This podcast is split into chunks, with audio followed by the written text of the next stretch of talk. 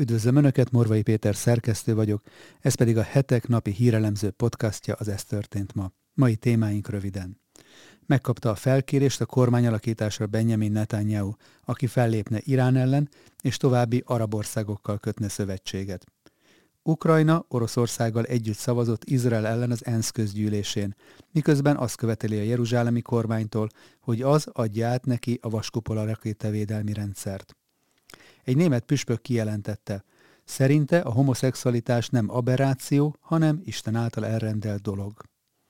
Újabb nyelvbotlás. Joe Biden Kolumbiának köszönte meg a kambodzsai csúcs találkozó megrendezését. Nagy offenzívát érzek az Ultrahang csatornája ellen, állítja Király Tamás rádiós és podcast műsorvezető.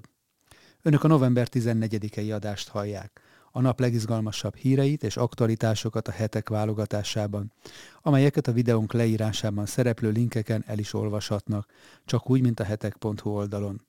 Köszönjük, hogy már közel 12 ezeren feliratkoztak a YouTube csatornánkra, és hogyha esetleg ezt nem tették volna még meg, kérem csatlakozzanak, hogy biztosan értesüljenek legfrissebb tartalmainkról.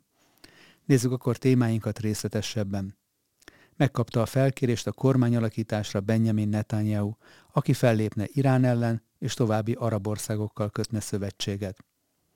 Benjamin Netanyahu-t bízta meg kormányalakítással Yitzhak Herzog izraeli elnök.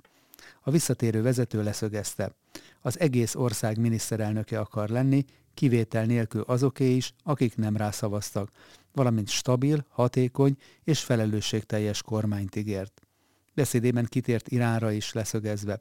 Az izraeli társadalom egységesen egyetért abban, hogy fel kell lépni Teherán ellen, és hozzátette, mindent el kell követni annak érdekében, hogy az Izraelt fenyegető síita állam ne jusson atomfegyverhez. Hozzátette, azon fog dolgozni, hogy Izrael, az Egyesült Arab Emírségek, Bahrein, Szudán és Marokkó után további arab államokkal kössön békeegyezményt. Így hosszú távon véget vessen az izraeli-arab konfliktusnak. Úgy vélte továbbá, az ilyen békeszerződések az előfeltételei a palesztin kérdés megoldásának is. Netanyahu egyúttal méltatta az izraeli demokrácia életképességét, és minden ezzel kapcsolatos kétséget félelemkeltésnek nevezett.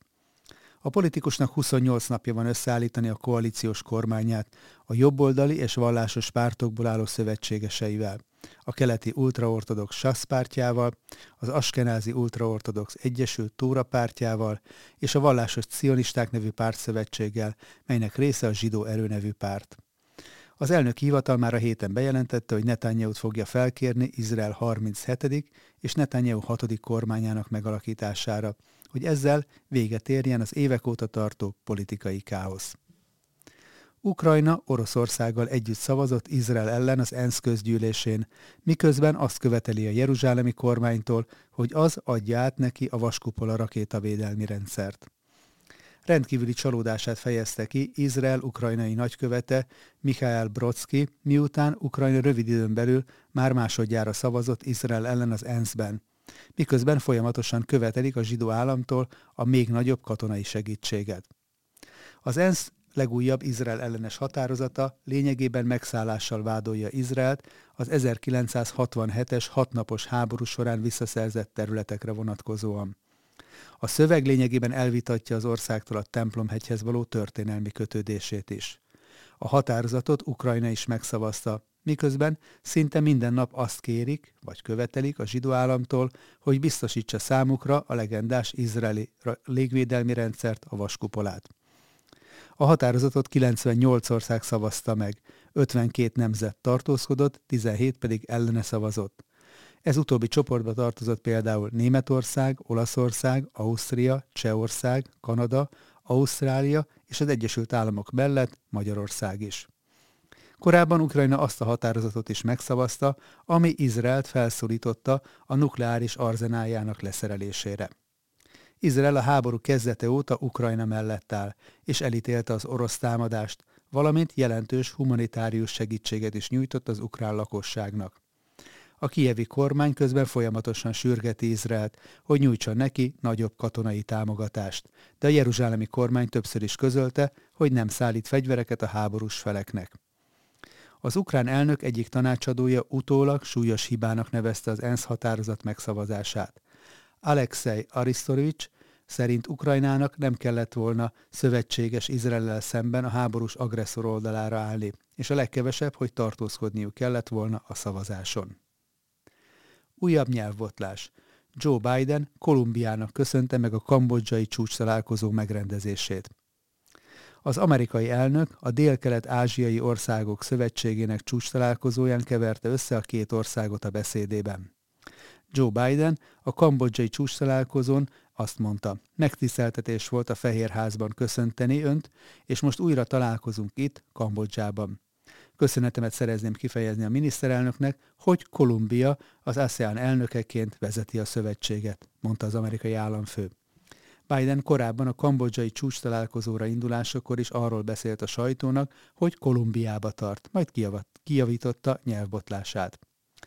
Az amerikai elnök a találkozó során hangsúlyozta, hogy fontosnak tartja a Kína és az Egyesült Államok közötti kommunikáció fenntartását, de mint mondta, nem fog szemet hunyni a Kínában elkövetett emberi jogi jogsértések felett. Egy német püspök kijelentette, hogy szerinte a homoszexualitás nem aberráció, hanem Isten által elrendelt dolog. Helmut Diezer, Aachen püspöke szerint reformra van szükség a szexualitással és a homoszexualitással kapcsolatos nézetekre vonatkozóan a német katolikus egyházban. Ezért a pápánál is látogatást fog tenni. A püspök a Deutsche Welle-nek adott interjújában arról beszélt, hogy a napokban fog ellátogatni Ferenc pápához német püspökökkel együtt, hogy fölvázolják a homoszexualitással kapcsolatos egyházi tanításokra vonatkozó reformtervüket, melyet idén szeptemberben a püspököknek több mint a harmada nem fogadott el az azonos neműek közötti kapcsolatról szóló részek miatt. Az azonos neműek közötti vonzalom és szeretet nem aberráció, hanem az emberi szexualitás egy formája vélekedik Dízer, aki szerint a reformtervet azért kezdték el kidolgozni 2019-ben, mert úgymond nem szabad figyelmen kívül hagyni Isten népének a hangját. A püspök elmondása szerint a katolikus egyházon belül bántalmazási botrányokra adott válaszul kezdték el kidolgozni a reformtervet, és a változtatás szükségességét az is indokolja, hogy a szexualitással kapcsolatos egyházi nézetek túlságosan leegyszerűsítik a valóságot. Dízer úgy gondolja, hogy az egyháznak új válaszokat kell adnia az embereket foglalkoztató kérdésekre, és nem mondhatják azt a homoszexualitással kapcsolatban, hogy természetellenes érzéseken alapul, mert a püspök szerint az azonos neműek közötti vonzalom Isten által elrendelt dolog. A homoszexualitás, ahogy a tudomány is bizonyítja, nem egy hiba, nem betegség, nem valami fajta rendellenességnek a megnyilvánulása, és nem is az eredendő bűn következménye. A világ színes, és a teremtett világ sokszínű. Ezért el tudom fogadni a szexualitás terén is a sokszínűséget, ami Isten akarata szerint való, és nem áll ellentétben a teremtő akaratával, mondta a német püspök. Az áheni egyházi vezető olyannyira nem tartja problémásnak a homoszexualitást, hogy elmondása szerint még arra is hajlandó lenne, hogy egy leszbikus pár gyermekét megkeresztelje a templomban. Dízer azt üzente az olvasóknak, hogy Isten abban az állapotban szereti őket, amelyben vannak, és elfogadja őket úgy, ahogy vannak, és ez ugyanúgy igaz a homoszexuális és a heteroszexuális emberekre egyaránt.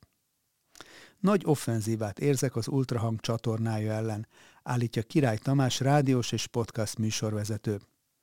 Tényfeltáró cikket készül írni a Lakmus nevű portál az elmúlt években rendkívüli népszerűségre szertevő Ultra Hangbiztonság politikai YouTube csatornáról. Adta hírul a csatorna alapító műsorvezetője Király Tamás. Király Tamás arról számolt be a csatorna vasárnap este feltöltött videójában, hogy kérdésekkel kereste meg a lakmus.hu, amelynek a zöme a csatorna és annak rendezvényei pénzügyi hátterére vonatkozott. De a portál kíváncsi volt a műsorvezető korábbi bírósági ügyére és a felekezeti hovatartozására is. Az elmúlt hetekben különösen nagy offenzívát érzek az Ultrahang csatornája ellen, akár a nálunk megszólaló vendégek személye ellen egyaránt, fogalmazott az adásban király. Hozzátette, több olyan üzenet is érkezett hozzájuk, hogy vajon jól átgondolta-e, amit csinál, és nem akar-e visszavonulni, vagy inkább másokat szerepeltetni. Király Tamás ugyanakkor leszögezte, hogy a csatorna mindig is transzparens volt, és az átláthatóság miatt döntött úgy, hogy válaszol a lakmusz megkeresésére, tekintve, hogy nincsen semmilyen takargatni valója. A Lakmus arra volt kíváncsi, hogy miért tölt be ennyire központi szerepet Nógrádi György a csatornán, valamint hogyan finanszírozzák a különböző közönségtalálkozókat, de az újságíró kíváncsi volt arra is, hogy milyen a, a kapcsolata a csatornának a hitrádióval, illetve úgymond mikor lépett be a hit gyülekezetébe. Bár ez utóbbi kérdés kifejezetten szenzetív és magánjellegű adatra vonatkozott, Király Tamás elmondta, büszke tagja az egyháznak, és még az édesanyja csatlakozott a közösséghez várandósként. A felmerült kérdésekre elküldött válaszait a leírásban szereplő videóban hallgathatják meg, csak úgy, mint azt a beszélgetést, amelyet a hetek készített az Ultrahang főszerkesztőjével, abból az alkalomból, hogy elérték a mérföldkőnek számító százezer feliratkozót a csatornájukon. És itt teszem hozzá, hogy a lakmus.hu cikkének megjelenése után Király Tamással interjút készítünk a hetek podcast csatornája számára is a tanulságokról.